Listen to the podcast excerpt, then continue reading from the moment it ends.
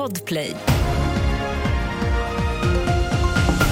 Två gripna efter skjutning, gamla båtar ska bort och tuttrubbel i Stockholm handlar om i TV4-nyheterna.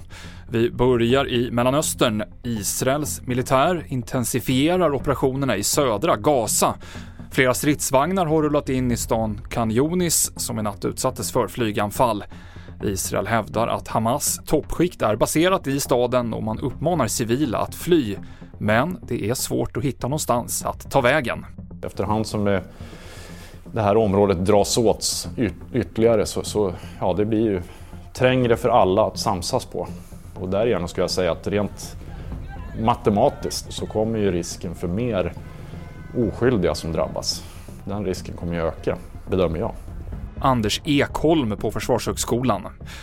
En man i 25-årsåldern skottskadades i Hägersten i södra Stockholm på eftermiddagen.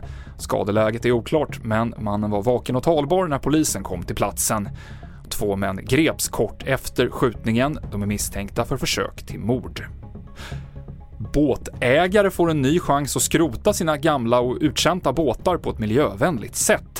Havs och vattenmyndigheten tillför 9,5 miljoner kronor till skrotning för att få bort fritidsbåtar och motorer som kan förorena miljön om de blir liggande i naturen.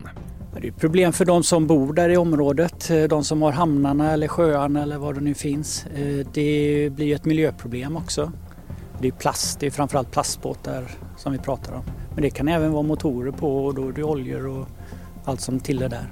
Joakim Boström, hamnchef på Grefab. Och larmsignalen Hesa Fredrik, som ska ljuda klockan 15 idag, hördes inte på flera platser i Stockholms län. MSB bekräftar för SR att det är något fel på varningssignalen som är kopplad till VMA. Viktigt meddelande till allmänheten. Senaste nytt finns på tv4.se. Jag heter Mikael Klintevall.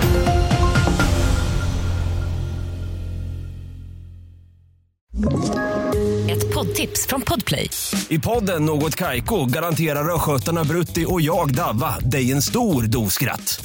Där följer jag pladask för köttätandet igen. Man är lite som en jävla vampyr. Man har fått lite blodsmak och då måste man ha mer. Udda spaningar, fängslande anekdoter och en och annan arg rant. Jag måste ha mitt kaffe på morgonen för annars är jag ingen trevlig människa. Då är du ingen trevlig människa, punkt. Något Kaiko, hör du på Podplay. Därför är gardinerna.